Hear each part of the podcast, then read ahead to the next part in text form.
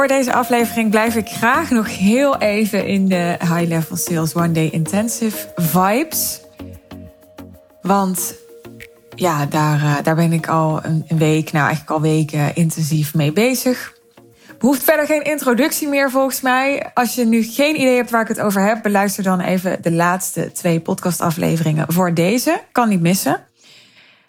Ik dacht, waar zal ik het deze aflevering over hebben? En toen kreeg ik een, een bericht van mijn vader. En toen dacht ik, dat vind ik nou een mooi thema voor deze aflevering. Ik pak hem daar even bij. Hij stuurde mij naar aanleiding van het filmpje dat ik heb opgenomen met het nummer dat ik heb geschreven en ingezongen. Die hoor je in de vorige aflevering. Dus nogmaals, mocht je nu niet weten waar ik het over heb, ga dan even terug naar de vorige. Hij schreef daarover. Na jouw verhaal van gisteravond, dacht ik, als ik namelijk deze podcast opneem, heb ik hem gisteravond gesproken. Als de locatie niet zo slecht was geweest, had je misschien minder de druk gevoeld om live te zingen. Of misschien was het lied er dan wel niet gekomen. Het voelt als een monument, dat lied. Het voelt als een groot cadeau dat dit er is. Dus zoek de volgende keer maar een nog beroerdere locatie uit. Ja, nou ga ik heel even die locatie nuanceren, want zo beroerd was het echt niet hoor, jongens. Maar ja, ik heb denk ik de, de lat best wel hoog liggen. En hoe het dan gaat is, ik kom daar aan dinsdag. Ik denk, oh kut, ja, valt me wel een beetje tegen. Nou, dan ga ik even gewoon ranten tegen mensen over, oh fuck, weet je wel. Ja, toch, toch die angst voor, nou ja, dat, dat mensen dan gaan denken, ja, nou is ze wel een beetje over de piek heen, weet je wel. Dus um, ja, daar was ik vrij uitgesproken over tegen mijn vader. Maar het was echt helemaal niet zo slecht. Helemaal niet. Althans, dat blijft natuurlijk altijd super subjectief. Maar Weet je, het is ook wat is slecht, hè? Uh, dus uh, gisteravond was ik even live op Instagram. Uh, en toen kwamen er spontaan een aantal deelnemers van de High Level Intensive in die live erbij. En ja, Linde bijvoorbeeld, die zei: Ja, ik heb me helemaal niet aan gestoord. En als ik het echt niet goed vond, dan had ik het gezegd, dan weet je. En dat is ook zo. Linde is altijd heel eerlijk, dus die zegt het ook als dingen niet goed gaan. Maar ze zei: Ja, ik vind het allemaal niet zo'n issue, want ja, oké, nee, er stonden wel flessen water, maar er stonden geen glazen bij. Nou ja, dat wordt dan gewoon binnen 10 minuten geregeld. Ja, is dat dan erg? Nou, vind ik niet.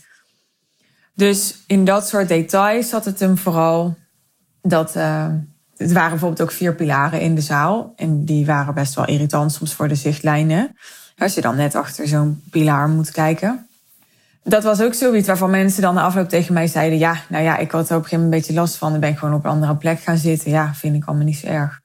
Dus het is natuurlijk ook een beetje een houding. Hè? Hoe ga je ermee om? Je kan altijd zien wat er niet goed is. Ben ik zelf heel goed in. je kan ook gewoon kijken. Oké, wat, wat kan ik hier wel uithalen? Wat is er wel? Wat, wat, sterker nog, wat vind ik fantastisch? Ja, nu klinkt het net alsof het. Uh, hè, nu klinkt het allemaal vrij negatief, maar dat was het dus helemaal niet. Check maar even de, de highlight op mijn Instagram over de One Day Intense, als je dat nog niet hebt gedaan. Nou, mensen waren echt allemaal super enthousiast. En we hebben afgelopen weekend allemaal tickets verkocht. Ook van mensen die erbij waren en die er heel graag nog een keer bij willen zijn. Er gaan nu zelfs mensen voor de vierde keer komen. Dus ja, hoe tof is dat? Nou, even terug naar dat bericht van mijn vader. Want ik dacht daarover na en ik dacht, ja, hij heeft wel gelijk. En wat bij mij oppopte door zijn bericht is... Everything happens for a reason. En waar ik ook aan moest denken was de slotspeech van Jeannette ze net een soort eindspeech op de High Level Sales One Intensive. Uh, het ging over angst, onder andere. En zij zei ja, de angst of, of de weerstand of de, de, het ongemak, de emotie die je hier voelt, dat we hebben vaak de neiging om, om die te veroordelen. Want we willen niet bang zijn. Hè? We willen niet ons ongemakkelijk voelen. We, we willen die frustratie niet. Dan, hè, dan gaan we vaak dus, dus zeggen, ja, uh, het, het was niet goed we gaan het over onszelf zeggen, of we gaan het in dit geval over locatie zeggen. Maar het is allemaal iets gaan beoordelen, een oordeel hebben op dingen. Zijn allemaal manieren om af te leiden van de, van de emotie waar je liever niet mee wil zijn, die je liever niet mee, die je liever niet wil ervaren. Terwijl die emotie, die, die is er niet voor niks. Zoals ik echt geloof dat, ja, dat toeval niet bestaat in het leven ik denk nu ook aan een quote van Tony Robbins. Die zegt wel eens, misschien is het oorspronkelijk van iemand anders, weet ik niet. Maar ik heb in ieder geval van Tony Robbins. Die zegt, problems don't happen to us. Ze worden ons niet aangedaan. Nee, problems happen for us. dus ze komen ons iets brengen.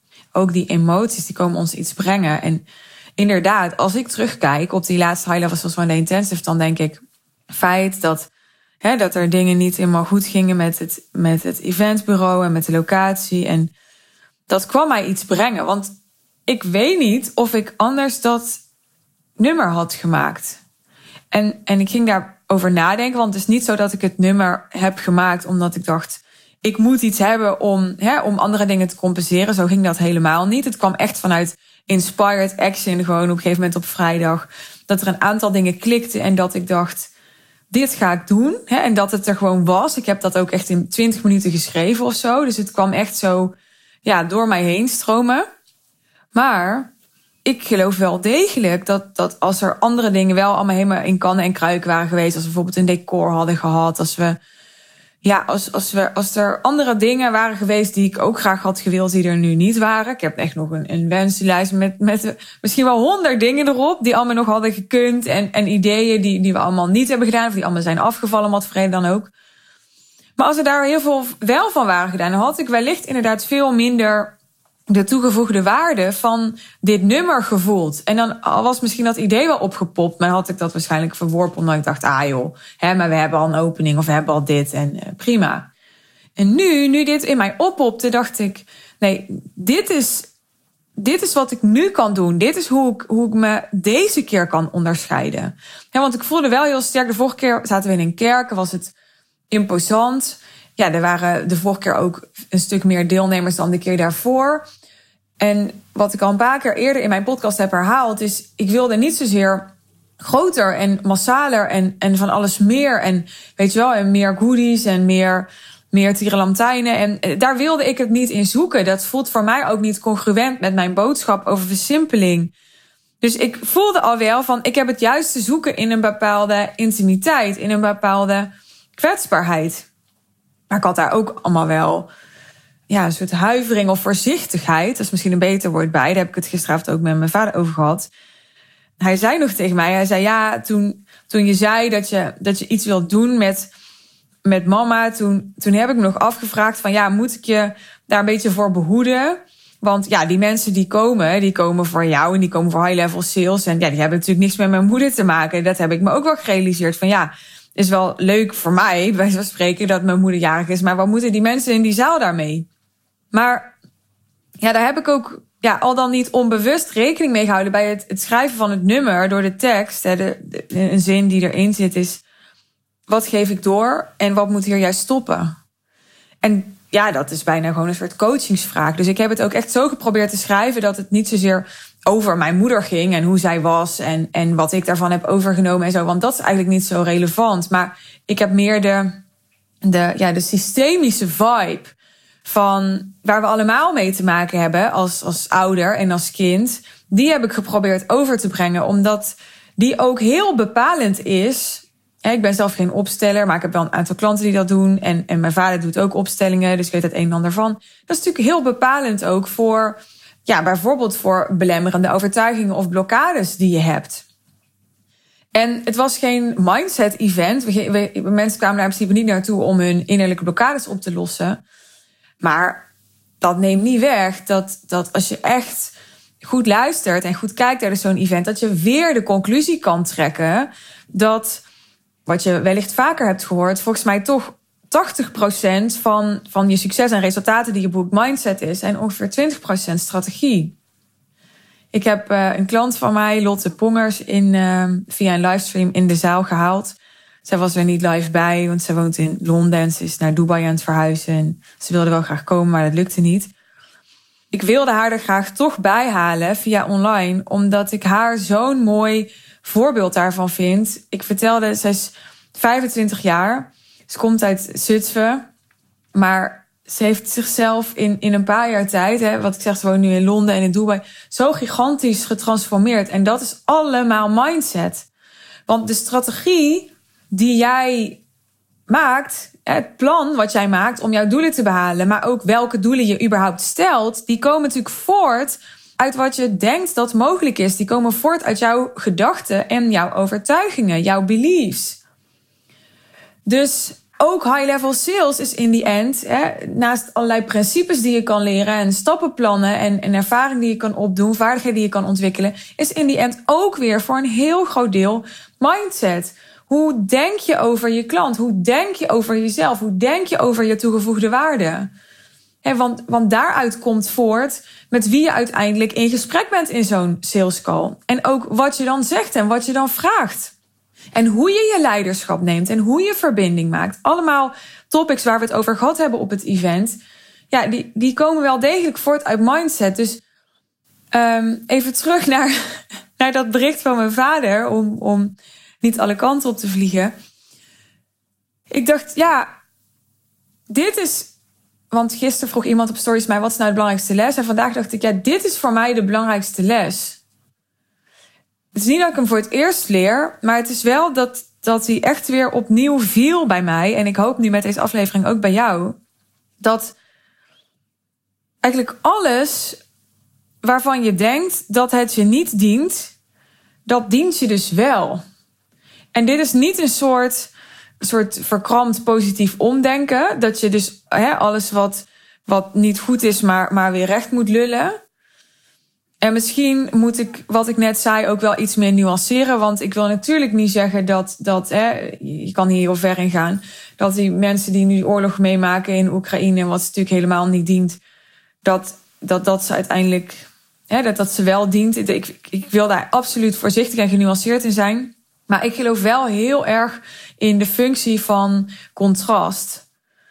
En niet alleen, want ik hoor wel eens van klanten die dan zeggen: Ja, en, en uh, nou ja, dat wilde ik dus niet. En wat het me opgeleverd heeft, is dat ik weet dat ik nu weet wat ik wel wil. Nou, dat, dat is fijn. Hè? Dat, dat is ook de functie van contrast in het leven. Dat je dus door dingen die je niet wil, weer opnieuw in verbinding wordt gebracht met je verlangens. Dat wat je wel wil. Maar ik denk dat het veel verder gaat. Ik denk dat dat wat je niet wil, of de tegenslagen die je meemaakt, of, of de problemen waarvan je dus het gevoel kan hebben dat ze je overkomen.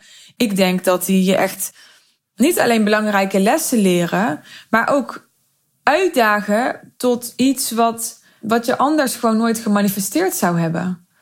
er is natuurlijk heel veel wat, wat we manifesteren, komt wel degelijk voort uit frustratie, onzekerheid, boosheid, verdriet. Kijk maar naar alle muziek die is gemaakt en hoe vaak dat over liefdesverdriet gaat. En ik denk niet dat dat erg is, weet je wel. Ik denk dat, dat het juist mooi is dat we, dat we die ja, negatieve, tussen aanhalingstekens, emoties, die ongemakkelijke emoties kunnen gebruiken om, om ons aan te zetten, om te creëren. En ja, ik hoop dat ik met die opkomst van afgelopen woensdag op de High Level Sales Intensive daarin een rolmodel heb kunnen zijn. Zo lijkt het misschien niet altijd, maar dat is voor mij uiteraard veel belangrijker dan hè, die hele gimmick rondom die outfits. Dat vind ik gewoon leuk hè, om daarmee bezig te zijn. En, en ik vind het ook helemaal prima om nu een beetje bekend te staan als de business coach met die outfits. Uh, dat heb ik natuurlijk zelf in de hand gewerkt en dat past ook helemaal bij mij. Maar ja, weet je, mijn klanten zijn slim, ik ben slim. Wij hebben diepgang nodig, we hebben lagen nodig. En ik denk, die diepgang, die, die kan er alleen zijn als je, nou ja, die kan er alleen zijn. In ieder geval tegenslagen of, of dat dingen anders lopen dan gepland of gehoopt. Dat is denk ik een hele mooie uitnodiging om persoonlijk leiderschap te nemen. En van persoonlijk leiderschap, daar worden we altijd zoveel beter van. Zodra we weer de regie nemen, dan kunnen we weer dingen naar onze hand zetten. En dan krijgen we weer niet dat gevoel van, oh, het overkomt ons. Het haalt ons uit de, de slachtofferpositie. En het geeft ons weer kracht. Het zet ons in onze kracht.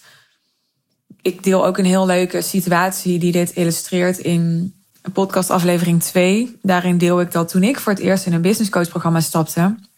Ik boos was over dat dingen niet waren zoals ik had verwacht.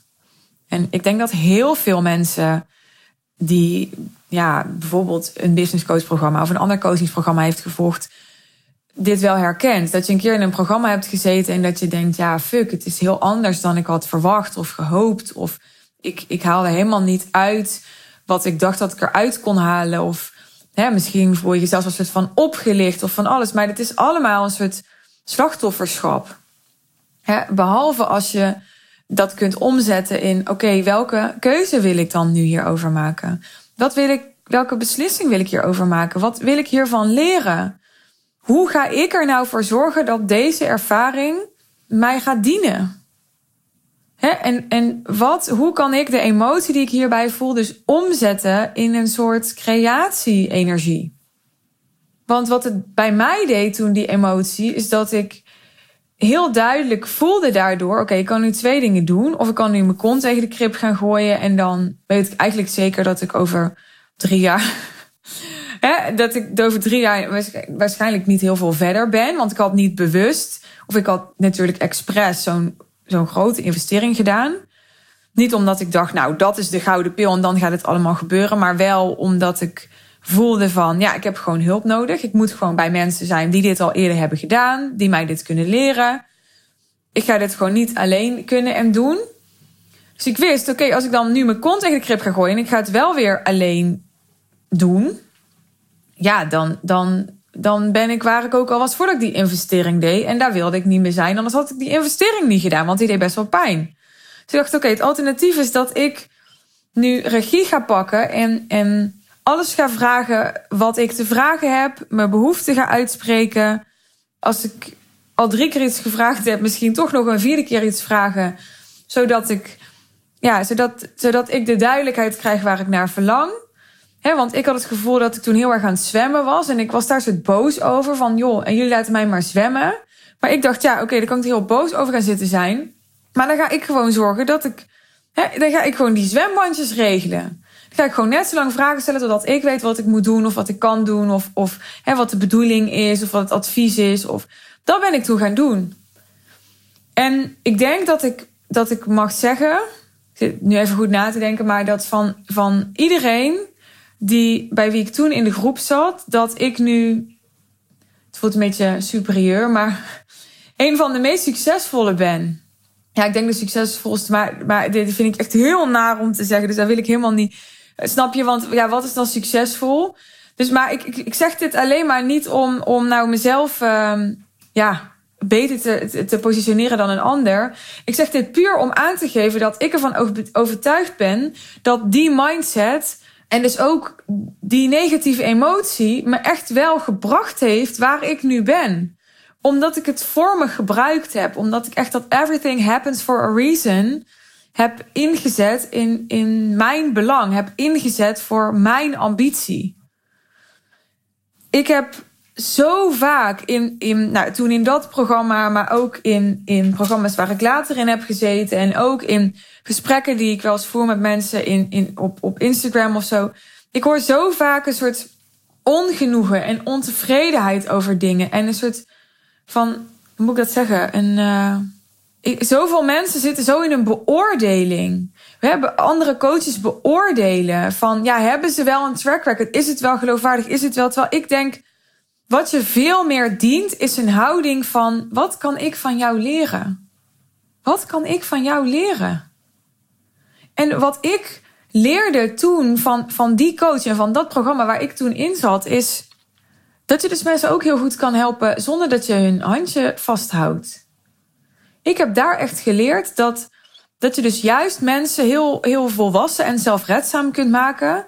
Door ze niet per se te gaan redden. Want ik had toen echt de behoefte om soort van gered te worden en aan het handje genomen te worden. En it didn't happen. Maar ik kwam er wel. Weet je, het heeft me fucking sterk gemaakt. Dan kan je zeggen, ja, maar die, die credits zijn voor mij en niet voor die coach, want die heeft niet zozeer iets gedaan. Ja, voor mij wel. Die heeft dat gefaciliteerd, die heeft dat bewust gedaan, dat weet ik. En de meeste mensen zouden het niet doen. De meeste mensen zouden gaan pleasen. De meeste mensen zouden vanuit de onzekerheid van... oh, straks is ze ontevreden en dan gaat ze weg... en dan gaat ze slecht over me praten. Hè, die zouden alles gaan doen om, om het goed te maken... En, en om te zorgen dat er wel aan mijn verwachtingen wordt voldaan. En, en ik zeg niet dat je als een klant ontevreden is... dat je maar gewoon dat moet negeren... en, en niet moet luisteren naar wat zijn of haar behoefte is. Hè. Dit, is niet zo zwart-wit. Maar ik zeg wel dat je die emotie, die is niet van jou. Die is niet jouw verantwoordelijkheid om op te lossen. Want een ander die hetzelfde zou meemaken, die zou die emotie niet hebben. Dus die emotie die is van die ander. En jij bent er alleen maar om, om die ander te helpen zo goed mogelijk met die emotie om te gaan. Dat is ook wat ik met mijn klant probeer. Het hoeft niet weg. als iemand gefrustreerd is in mijn traject ergens over en van mijn part is het over mij, ja, van mij hoeft dat niet per se weg. Maar ik vraag mensen wel, ja, wat dient het jou om hier gefrustreerd over te gaan zitten zijn? en hoe kan je er ook naar kijken? En, en omdat ik gewoon weet, it's the only way. It's the only way. Om niet bij de pakken neer te gaan zitten, niet te gaan afgeven, maar ja, gewoon die shit sandwich onder je arm te nemen en, en de vloer ermee te vegen gewoon. Nou, dat was wel een mooie afsluiten, toch? Denk ik wel. Als je het mooi vond, dan uh, maak even een screenshot, deel hem in je stories. Volgens mij was dat een goede one-liner. Ik wil je weer heel erg bedanken voor het luisteren. En vergeet niet, als je je nog niet geabonneerd hebt op mijn podcastkanaal, doe dat. Hè, want dan krijg je notificaties van nieuwe afleveringen. Al een hele tijd komen die op maandag, woensdag en vrijdag stevast. Dus dan weet je wat je kunt verwachten. Vergeet ook niet dat dus de ticket sale open is voor de High Level Sales One Day Intensive op 13 oktober. Dus wil je daarbij zijn, ga naar de link in de show notes en claim je ticket. Het is een event voor gevorderde ondernemers die zo simpel en winstgevend mogelijk willen doorgroeien naar een miljoen omzet per jaar. En het gaat dus niet alleen over hoe voer je een salesgesprek, hoewel we daar ook zeker in kunnen optimaliseren, maar ook over hoe genereer je nou die high-level leads? Hoe positioneer je je nou zo dat je grote aantrekkingskracht hebt op die mensen?